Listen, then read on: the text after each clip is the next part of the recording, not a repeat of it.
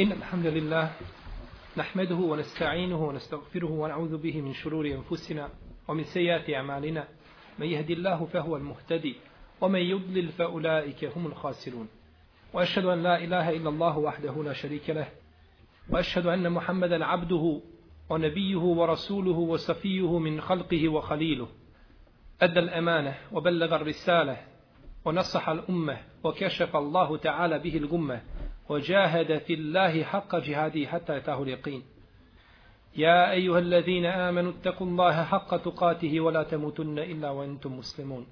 يا أيها الناس اتقوا ربكم الذي خلقكم من نفس واحدة وخلق منها زوجها وبث منهما رجالا كثيرا ونساء واتقوا الله الذي تساءلون به والأرحام إن الله كان عليكم رقيبا. يا أيها الذين آمنوا اتقوا الله وقولوا قولا سديدا. يصلح لكم أعمالكم ويغفر لكم ذنوبكم. ومن يطع الله ورسوله فقد فاز فوزا عظيما. أما بعد فإن أحسن الكلام كلام الله وخير الهدي هدي محمد صلى الله عليه وسلم وشر الأمور محدثاتها وكل محدثة بدعة وكل بدعة ضلالة وكل ضلالة في النار. Neka je neizmjena hvala našem gospodaru Tebarake wa ta'ala koji je rekao El jevme ekmeltu lekum dinekum wa etmemtu alejkum ni'meti wa raditu lekum islame dina. Ja sam vama danas vašu vjeru upotpunio i svoju blagodat prema vama usavršio i zadovoljan sam da vam islam bude vjera. Upotpunio je uzvišeni Allah te barake od ta'ala islam kao vjeru, kao cjelokupni sistem života u vrijeme poslanika sallallahu alaihi wa alihi wa sallam. Zato nije dozvoljeno čovjeku da izbaci nešto iz vjere, niti mu je dozvoljeno da uvede nešto u vjeru. Jer i jedno i drugo je suprotno onome što je htio uzvišeni Allah te barake wa ta'ala.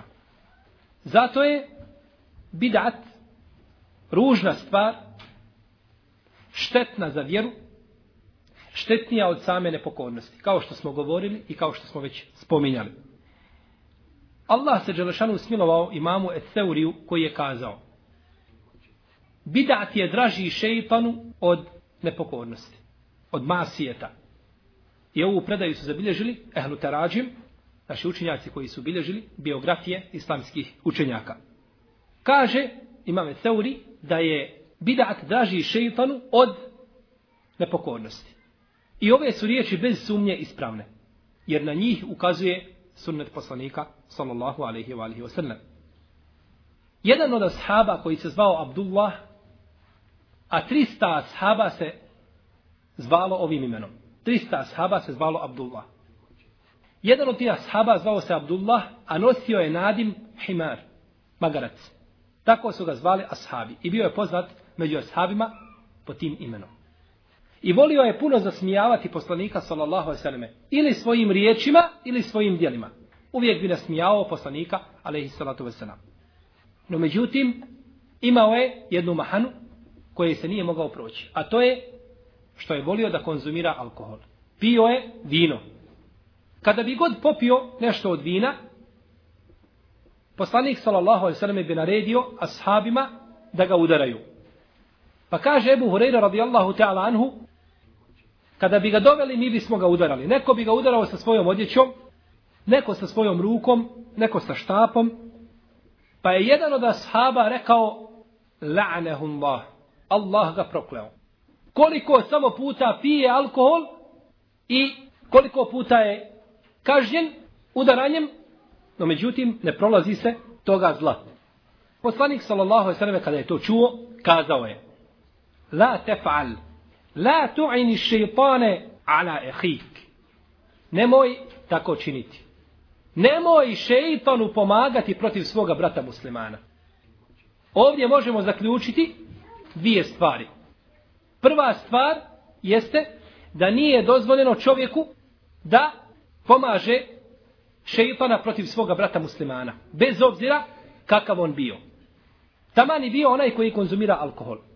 I druga stvar, što poslanik sallallahu alaihi selleme kaže, ala ehik, nemoj ga pomagati protiv svoga brata, on ti je brat. Nepokoran, alkohol pije, ali ti je brat. Jer on nije izišao tim postupkom iz islama. Osim ako je ohalalio da se alkohol može piti, to bi ga izdalo iz dina iz vjere. Pa je gori čovjek koji kaže da je alkohol halal i dozvoljen za piti, a ne pije ga, nego čovjek koji pije alkohol, a kaže da je haram. Ovaj drugi je bolji. Jer on priznaje Allahu te barek propis, ali ga jednostavno šeitan zavede. Dok prvi negira Allahove dželešanu riječi. Allah dželešanu u Kur'anu zabranjuje i naređuje vjernicima da se klone vina, odnosno alkohola. E ko bi kazao da je alkohol halal, on bi izdišao iz islama, svejedno pio alkohol ili ne pio alkohol. Pa kaže nemoj pomagati šeitana protiv svoga brata muslimana. Ovo je sa jedne strane. Čovjek nepokonik. Da vidimo kakav je hal i kakvo je stanje sa novotarom. Ovako se poslanik sallallahu alejhi ve selleme obhodio prema čovjeku koji je učinio veliki grije. A kako se obhodio prema novotaru? Da svatimo riječi mama Sufjana Eseurija da je bidat draži šeitanu od nepokornosti, od velikih grijeha. Imamo hadis koga bideže Buharija i Muslim, kada je poslanik sallallahu alaihi wa alihi wa dijelio plijen koga su muslimani? Uzeli na Huneinu. Došao je jedan čovjek koji se zvao Zu el Huwaisira došao je kod poslanika sallallahu alaihi wa sallame i rekao i'dil ja Muhammed fa inneke lem ta'dil. Kaže pravedno dijeli o Muhammede pravedno dijeli taj imetak i taj plijen ti nisi pravedan pa je poslanik sallallahu alaihi wa alihi wa sallam rekao vojlik hibte wa khasirt wa mene haqqu ahli l'ardi en ja'dile in lem ekun ene kaže poslanik sallallahu alaihi ve selleme teško ti se propao si i uništen si. Ko je to preči na zemaljskoj kugli da bude pravedan od mene? Pa kaže jedan od ashaba, pusti me Allahovu poslaniće da ga udarim po vratu. To jeste da mu skinem glavu sa ramena. Pa kaže poslanik sallallahu alaihi wa sallame, da'hu, fe inne lehu ashaben jahruđune mine dini hruđe sehmi mine ramije. Pusti ga, kaže. On ima svoju skupinu, svoje sledbenike, koji će izlaziti iz dina, iz vjere, kao što strela izlazi iz luka. Da ih ja dočekam i da ih ja nađem, ubijao bih ih kao što je ubijen ad.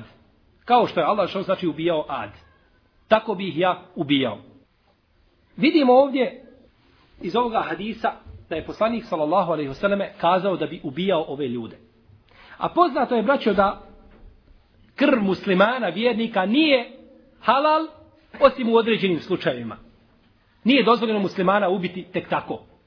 Znači mora postojati neki razlog koji je šerijetski opravdan. U prvom slučaju, poslanik sallallahu alejhi ve selleme kaže pustite svoga brata. U jednoj se predaji kaže tako mi Allaha ja ne znam ništa drugo nego da on voli Allaha i poslanika. Onaj Abdullah, ashab koji je pio alkohol kaže poslanik sallallahu alejhi ve selleme tako mi Allaha ja ne znam ništa drugo nego da on voli Allaha i poslanika pa je u prvom slučaju ome prvom ashabu koji je počinio veliki grijeh pripisao da voli Allaha i poslanika ali to nije učinio novotar ome drugom koji je bio od skupine Havariđija. To nije pripisao. Pa prvom kaže da voli Allaha i poslanika i kaže da je brat muslimanima, a za drugog to nije kazao, nego kaže da ga stignem, ja bih ga ubijao ili ubijao bi sve one koji ga slijede. Pogledajte kakva je razlika između nepokornosti i velikih grijeha i kakva je razlika između između novotarije. To sve, draga moja braćo, da bi novotar nosio svoj grijeh i grijehe svih onih koji ga slijede na sudnjem danu. Kako kaže uzvišeni Allah tabarak wa ta'ala, li jahmilu euzarahum kamileten jevme l'qiyame, o min euzari lezine yudillunahum bi gajri ilmu da bi oni nosili sve svoje grijehe na sudnjem danu i grijehe svih onih koje su u zabludu odveli bez dokaza, bez znanja. Svoj grijeh nosiš i grijeh svih onih koji su te slijedili. Jer si pozivao u vjeru bez argumenta i bez dokaza. Pa to nije od tebe nikako primljeno i nije nikako od tebe prihvaćeno. Bileži ima muslim u svome sahihu, Ibnu Hibban u svome također sahihu, Od Ebu Hureyre radijallahu ta'ala anhu da je poslanik sallallahu alaihi wasallam rekao Ko bude pozivao na istinu i na hak, on ima nagradu tog pozivanja. I ima nagradu svih onih koji ga budu slijedili, ali se neće oduzeti od njihove nagrade ništa. A onaj ko bude pozivao u dalalet na batil, a bidat je najveći dalalet i najveći batil, on će imati grijeh svoj i imat će grijeh svih onih koji ga slijede s tim da se neće ništa uzeti od njihovih grijeha. Znači on ima njihov grijeh, ali to njih ne oslobađa grijeha. I oni su također u grijehu. Kao što prvi imaju nagradu, on ima nagradu svih onih koji ga slijede u dobru, kod prve skupine. Ali to neće biti, znači neće biti umanjeno od nagrade onih koji ga budu slijedili. I bileži imam Buharija i Al-Bejhefti u svome sunenu i drugi od Ibnu Mesauda radijallahu ta'ala anhu da je poslanik sallallahu alaihi wasallam kazao Lejse mi nefsin tuktelu zulmen illa kjane ala ibni Ademe el evvel kiflun minha lijennehu evvelu men sennel qatl.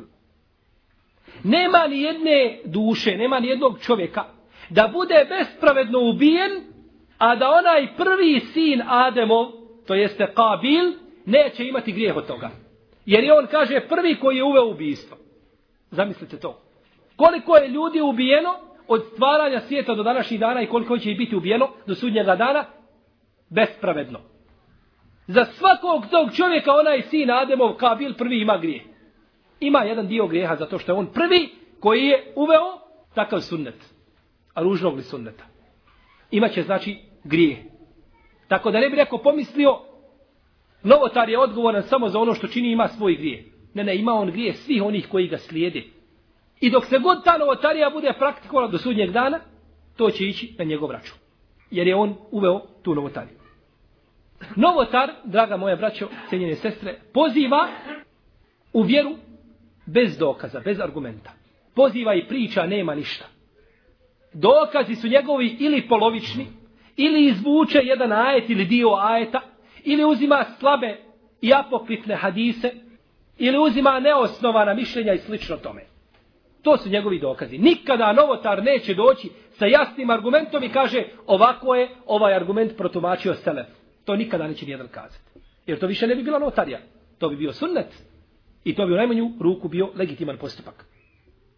No međutim koriste lažne predaje, neosnovane hadise, dio ajeta, nakaradno tumačenje ajeta i slično i slično tome.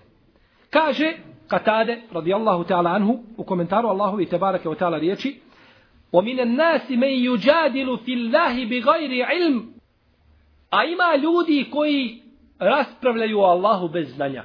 Kaže imam Katade, kaže to je novotar, poziva u svoju novotariju. Novotar poziva u svoju novotariju. Pripisuje Allahu Đelešanu ono što uzvišeni Tebarak je o tala nije kazao. Bigajni ilm bez znanja ili polovično nekakvo krnjavo, neprihvatljivo, neprihvatljivo znanje. A mi znamo da argumenti iz Kur'ana i Sunneta moraju biti jasni. Moraju biti, znači, jasni i cjeloviti.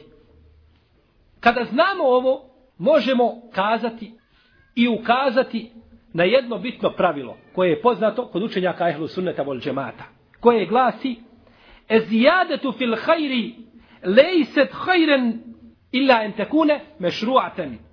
Dodatak u hajru i u dobru nije hajr, osim ako je legitiman i propisan. Šta znači ove riječi? Da neko doda neki hajr koji nije propisan, to nije hajr. To je šar, to je zlo. Osim ako je taj hajr koji je dodan, ako je propisan i legitiman, ako ima svoju osnovu u Kur'anu i u sunnetu. Kao hadis Ebu Hureyre, koga bilježi ima muslim ibn Hibban, u kome poslanik sallallahu alaihi sallam kaže Men kale hine yusbihu wa hine yumsi subhanallahi wa bihamdihi mi'ete marra. Ko kaže kada osvane i kada omrkne sto puta subhanallahi wa bihamdihi. Doći će na sudnji dan, a da niko neće doći ni sa čim boljim. Pogledajte Allahove te barake o ta'ala milosti. Samo sto puta da kažeš svaki dan subhanallahi wa bihamdihi ujutro i naveče, kad dođeš na sudnji dan, niko neće doći ni sa čim boljim od tebe. A šta je sa onim koji kaže više od sto puta? Kažemo hajr i bereket. Jer poslanik sallallahu sallam kaže u istom hadisu illa men kale misle ma kal eu zade alejhi. Osim onoga koji kaže isto što je rekao, to jeste sto puta, ili doda na to. Ili doda na to. Koliko? Koliko god hoće. E, ovdje dodatak je legitiman, jer ima osnovu u riječima poslanika, sallallahu alaihi wasallam. Zato kada nas neko pita, hoću li ja posle namaza, mogu li kazati 66 puta, Allahu ekvar. Dodatak u hajru i u dobru. Pa kažemo, ne možeš.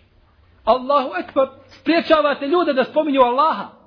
Ne, nisi ti bolji od poslanika, sallallahu alaihi wasallam. Niti možeš Allaha spominjati bolje i na lepši način od onoga kako je to činio Allahov poslanik sallallahu alejhi ve sellem. A da je trebalo dodavati, on bi dodavao, a ne bi to činio 33 puta.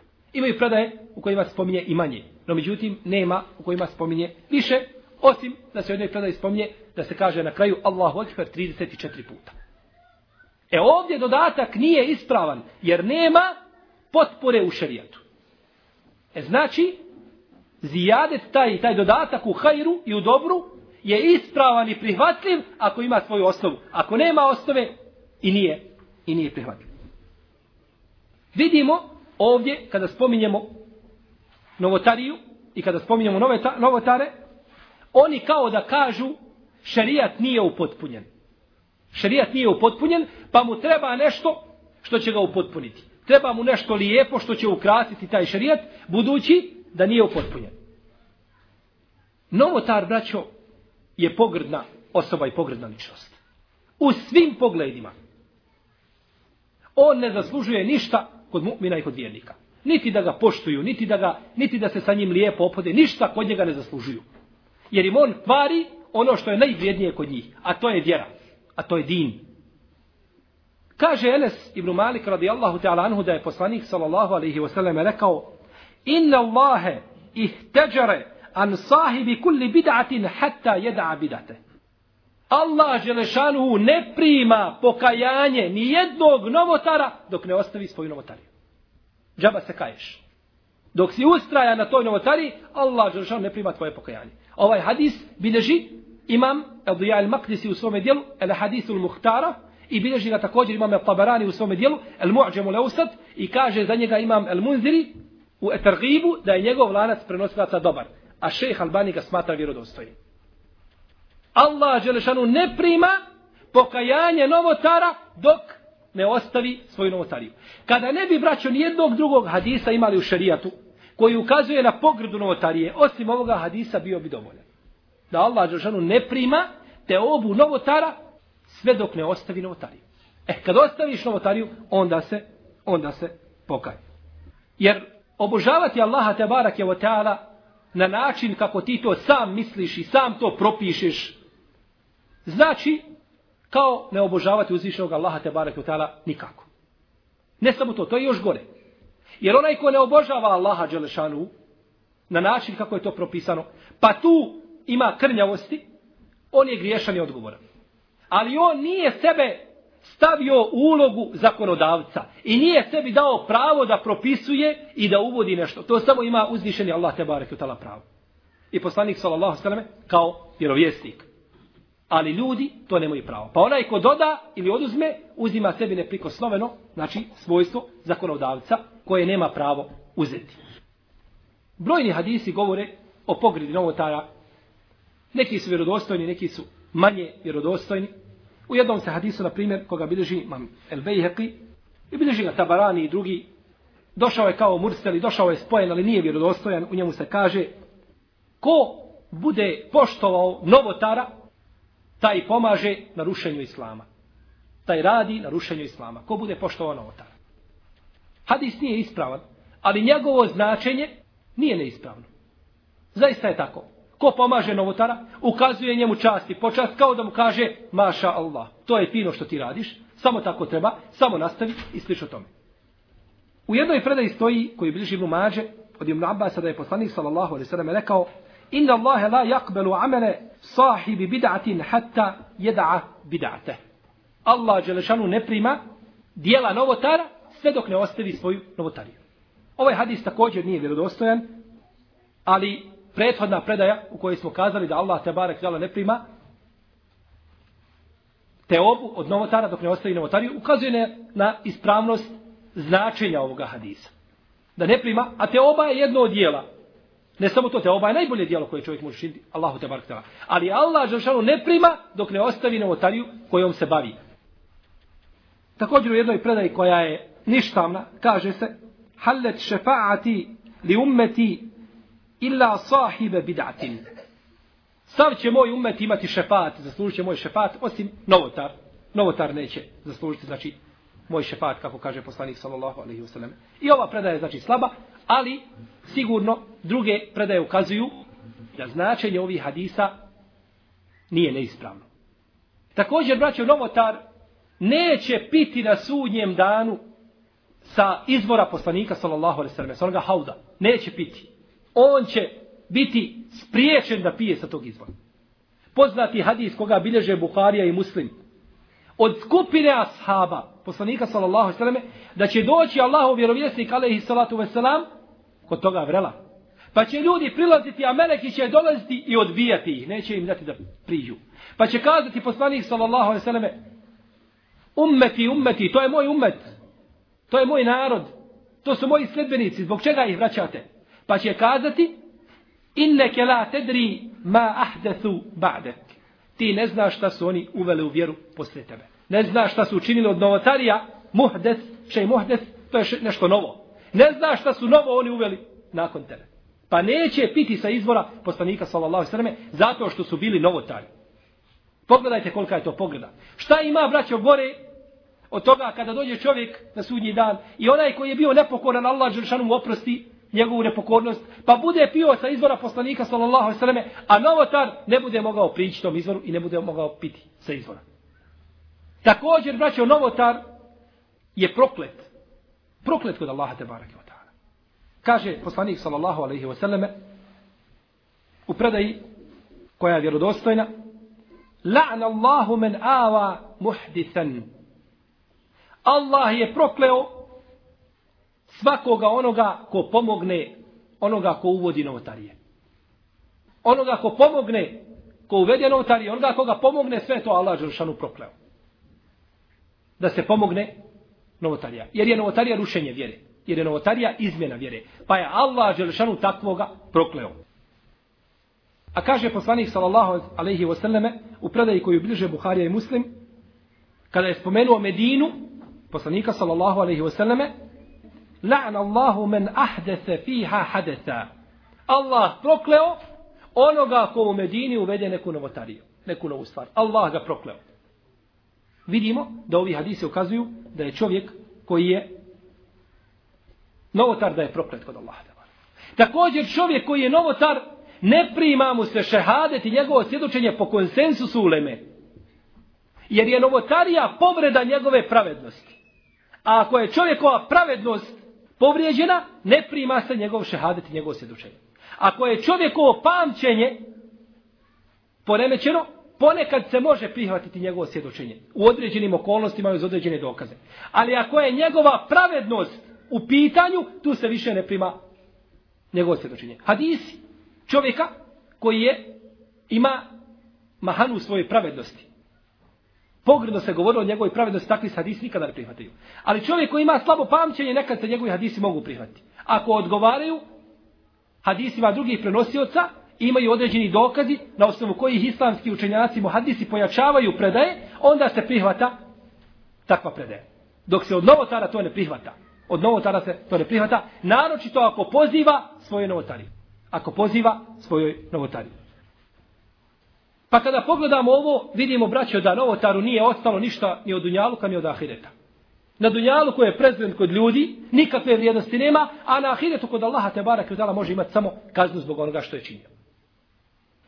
Možda će neko upitati, dobro, šta ako čovjek pita nekoga o nečemu, pa mu dadne fetvu i uputi ga i kaže mu da čini novotariju neko od običnog svijeta upita nekoga o nekom pitanju i on mu kaže čini tako i tako i ukaže mu na novotariju. Šta će biti s tim? Je li on odgovoran? Je li on griješan? Kažemo, ako je taj koji je pitao nekoga, smatrao ga učenim, zna da je završio negdje šerijatski fakultet, da je učio pred nekim šejhovima i slično tome, smatra ga učenim i pitao ga, a on ne teži svojoj duši i svome nefsu i svojim prohtjevima, znači ne slijedi svoje strasti, pa dobije takav odgovor, onda neće biti griješan, inša Allah, za ono što čini. Znači, ova dva uvjeta su jako bitna. Da čovjek smatra da taj koga si pitao da je učen, ne bilo koga sretneš na ulici, zato što je pustio malo dužu bradu, odmah ga pitaš o šerijskom propisu. I on ti daje petve i on ti ukazuje. Ne znaš ni ko je ni šta je. Ne. Moraš biti ubijeđen da je taj čovjek učen, to je prvo. I druga stvar, ne smiješ ti slijediti svoju dušu i svoje strasti. Pa čekati da ti dade neko neku olakšicu i da ti neko ići kod onoga ko će tebi olakšati, ko će tebi kazati jeste. Kako god ti misliš da je takav jedini, takva je vjera, samo ti radi, bit će hajdi, bit će dobro. Ako ta dva uvjeta ispuni, onda će biti, znači mu, oprošteno ono što je činio od novotarije. Govorili smo, braćo, i spominjali da je obaveza muslimanima da se izoliraju i da prekinu sve veze sa novotarima. Pogledajmo poslanika sallallahu alejhi ve selleme kako se obhodio prema nekim ashabima koji nisu izišli na bitku na Tebuku kao Kjab ibn Malik. 50 večeri su se ashabi izolirali od njih. Niko sa njima nije pričao. Amidžić njegov Ebu Katade neće selam da mu odvrati. Pa kaže, znaš li da ja volim Allaha i poslanika, ti to dobro znaš. Kaže, Allah i poslanik najbolje znaju. Ako si ga volio što nisi izišao sa nama u bitku, što si ostao? 50 večeri.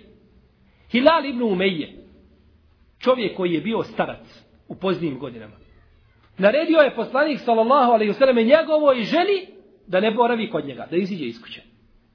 Kad se žena rastavlja od muža? Kada čovjek učini kufur, nevjerstvo. Sigurno da dijelo koje su učinili nije kufur i nevjerstvo, ali hoće poslanik sallallahu alejhi ve selleme da ukaže da ste učinili veliku stvar, pa zbog toga odvajam i vaše žene od vas. Kaže njegova žena, od Hilala ibn Umeje, kaže, moj muž je čovjek u poznim godinama. Nema on potrebe za ženom. Neće on prilaziti ženi. Jer prohtjevi i šehvate trebaju mladost. Hoće mladost u većini slučajeva.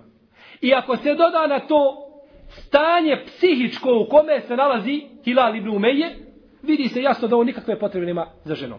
Jer cijelo jedno društvo više ne govori sa njim. Ne priča sa njim, ni selam mu ne vraćaju. Zbog čega ja ne bih mogla boraviti kod svoga muža? On nema potrebe za mnom kao za ženom, već ima potrebu da mu pomognem u određenim stvarima. Kaže, ne može. Pa se je morala, znači, i njegova žena odvojiti od njega. Vidimo kako je poslanik sallallahu alejhi ve selleme u ovom slučaju naredio ashabima potpunu izolaciju od ovih ashaba. A oni su šta? Nepokornici. Nisu novotari, nepokornici. Pa ako je opravdano i legitimno da se čovjek odvoji od nepokornika, šta mislite onda kakav je propis u pogledu novotara? Koji mijenja ljudima njihovu vjeru. Ovo je čovjek napravio grešku, ovi ashabi. Šeitan ih prevario, kao svakog od nas što prevari, učinili nepokornost. Ali ashabi su se izolirali od njih. Ako je tako sa nepokornicima, kakav je onda slučaj sa novotarima? Sigurno da čovjek kada se izolira od novotara, da ta izolacija ima svoja pravila, svoje principe i svoje temelje koji se čovjek mora pridržavati. Jedan od osnovnih uvjeta te izolacije od novotara jeste da to zlo, odnosno ta izolacija, ne prouzrokuje veće zlo od same te znači izolacije. To je znači jedan od uvjeta. I ako pogledamo u naše prve generacije, vidjet ćemo da su oni uvijek nastojali da se odvoje od novotara i da im ne ukazuju ama baš nikako poštovanje. Kaže imam El Begawi u svome dijelu Šerhu Sunne u prvom tomu na 227. stranici. Složni su učenjaci ehlu sunneta svi. Da čovjek treba mrziti novotare i da treba sa njima raskinuti sve veze. Složni učenjaci, niko nije kazao suprotno tome. U drugom dijelu kaže odnosno na drugom mjestu, proste kaže, kada neko vidi čovjeka novotara koji slede svoje strasti, ostavljajući sunnet poslanika, sallallahu alaihi wasallame, treba da raskine sa njim sve veze, da se očisti od njega, da ga napusti živa i mrtva, da se nikako sa njim ne druži, da ga ne poselami, znači neće ga poselamiti kada ga sretne, a ako mu ovaj nazove selam, neće mu odgovoriti na selam sve dok ne ostavi svoju novotariju i dok se ne vrati. Ovo su riječi imama Begauja u prethodno spomenutom dijelu na 224. stranici. Kaže imame Šatibi u svome dijelu Elijati sam spasonosna skupina to je Ehlu Sunnet. I ovo su braćo lijepe riječi. Spasonosna skupina El Firkatu Nađije koju je poslanik sallallahu alaihi sallam spomenuo to je Ehlu Sunnet. O njima je naređeno da budu u neprijateljstvu sa novotarima. I zbog toga je naša ulema ukazivala na opasnost novotara i opasnost novotarija. U drugom dijelu kaže sunnet je da se čovjek izolira od novotara i da se odvoji od novotara. Da ne gleda u njegove knjige, da ne čita njegovu literaturu. Ako je šija, ako je haridžija, ako je džehmija ili kaderija ili murđija ili muatezila i slično tome, jer su sve ove skupine na balaletu i na krivom putu. Od imama Ahmeda također nema razilaženja u njegovim predajama da je obavezno čovjeku da se izolira i da se odvoji od novotara. Da se ne smije družiti sa novotarom. Vi znate da kod imama Ahmeda u njegovom fikhu postoji nekoliko mišljenja. Tri, četiri, pet ili više. No međutim u ovome slučaju kod imama Ahmeda nema nego jedno mišljenje. A to je da se čovjek mora izolovati, da se mora odvojiti od novotara. Kaže Ibn Hani en Saburi u svome dijelu Mesailu el imami Ahmed u drugom tomu na 153. stranici. Bio sam, kaže, sa Ebu Abdullahom, to jeste sa imamom Ahmedom. Jedne prilike, kaže, išli smo prema džamiji. Pa nam je došao jedan novotar u susret i poselamio imama Ahmeda. Pa kaže, nije mu uzvratio na selam. Pa mu je ponovo nazvao selam, a imam Ahmed nije odvratio taj selam. Nije, znači, poselamio novotara. Kaže Huzeife ibn Ljeman, radijallahu ta'ala anhu, navodi se, znači, u ovoj predaji da je Huzeife ibn Ljeman jedne prilike došao kod jednog čovjeka koji je stavio na svoju ruku jedan konac. Konac je stavio na svoju ruku, pa ga je upitao Huzeife, zbog čega je to na tvojoj ruci? Kaže, to je protiv temperature. To sam stavio da ne bi imao temperaturu. Znači, od tog konca traži utočište od temperature. Pa kaže Huzeyfa radijallahu ta'ala anhu, leo mitte, u hada alejk, lem usalli alejk. Da si umro s tim koncem na ruci, ja ti ne bi dženaze klanjao. Jer si ti novotar. Stavio si konac koji te ne može zaštiti, niti može taj konac kakav kaj doneti. U drugoj predaji koju bilježi Ibnu Ebi Šejbe u svome Musannefu, kaže se da je došao obići jednog čovjeka bolesnika, pa je našao na njegovoj ruci konac, pa ga upitao šta je to. Kaže, ovo je konac na kojim je neko naučio rukju. Učio na konac rukju, pa je taj konac stavio oko svoje, oko svoje ruke. Pa je Huzeifa radijallahu ta'ala anhu kazao, da umreš s tim koncem, ja ti ne bih klanjao dženazu. Pitanje ima Mahmed, kako se spominje opet u dijelu Mesailu Lema Mahmed od Ibn Hanija, a ne Saburija, Šta misliš, kaže, o čovjeku koji kaže da je Kur'an stvoren? Kaže, nemoj klanjati za njega. Nemoj stajati, nemoj da ti on bude imam. I nemoj se sa njim družiti, nemoj sa njim sjediti u istoj halki. I nemoj sa njim pričati i nemoj ga postalamiti. Šta znači to? Potpuna izolacija. Da čovjek znači nema ništa sa takvim ljudima. Kaže imam Ebu Davud, kako spominje Ibnu Mufleh u svome dijelu, El Adabu, Ešra'ije, da je Ebu Davud rekao imamu Ahmedu, a Ebu Davud je učenik imama Ahmeda. Kaže, vidim čovjeka od ehlu sunneta da se druži sa novotarom. Šta ću učiniti? Hoću li ga napustiti? Hoću li sa njim razgovarati? Pa kaže imam Ahmed, ne. Nemoj ga napuštati. Razgovaraj sa njim. Pouči ga. Nastoj mu objasniti da je taj koji im se druži novotar. I da mu nije dozvoljeno da se sa njim druži. A ako ne prođe se toga postupka, onda ga kaže priključi njemu. To jeste učini po istovjetinji dvojicu. Jer ti dok se družiš sa novotarom, onda si sigurno kao i on. Kazao je poslanik sallallahu alaihi selleme u jednom hadisu govoreći o novotarima kaže El kaderijetu međusul umme fe iza meridu fela te'uduhum o in matu fela tešheduhum. Kaderije su vatropoklonici ovoga ummeta. Kada se razbole, nemojte im ići u posjetu, nemojte ih zijareti kao bolesnike. Iako je velika nagrada čovjek zijareti svoga brata muslimana, bolesna, nemoj mu, kaže, ići u posjetu. A kada umru, nemojte prisustovati njihovoj dženazi. Nemojte prisustovati njihovoj dženazi. Ovaj hadis je dobar. Bilježi ga imam Ebu Davud, Ahmed i drugi od Abdullaha ibn Omara i bilježi ga također imam ibn Mađe, ibn Ebi Asim od Džabira ibn Abdillaha i ovaj hadis se također navodi kod imama Paja Lisija u njegovom musnedu od Huzeife ibn Jemana. Pa je ovaj hadis dobar. Vidimo kako ovdje poslanik sallallahu alejhi ve sellem ukazuje ko su kaderije. Ukazuje na njihov bidat i da čovjek ne treba da ga obilazi kada je na smrtnoj posteli, niti treba prisutiti njegovoj dženazi. A znajte, braćo, da je poslanik sallallahu alejhi ve sellem obišao židova, dječaka koji je bio na smrtnoj posteli, kako bilježi Imam Buharija. I pozvao ga u islam i primio je islam. I kaže se u predaj Ebu Jale da je taj židov umro, taj dječak, dok je poslanik sallallahu alejhi ve sellem bio kod njega, pa je kazao hvala Allahu dželešanu koji ga je spasio vatre. Židova dozvoljeno. Kaderiju nije dozvoljeno. Jer je ovaj drugi štetniji za vjeru nego onaj prvi. Onaj prvi je poznat kao neprijatelj vjere i svakoga zna, ali drugi je skriven. Drugi je virus koji se nalazi u tijelu islama. I onda znači iznutra kvari muslimanima njihovu vjeru. Bilježi imam El Halal od Mujahida, radijallahu ta'ala anhu, da je kazao, kaže, rekao sam Ibnu Abbasu, šta misliš, kaže, da ti dovedem čovjeka kaderiju, hoćeš pričat sa njim? Kaže Ibnu Abbas, razbit ti glavu. Dovedi ga, razbit ti glavu.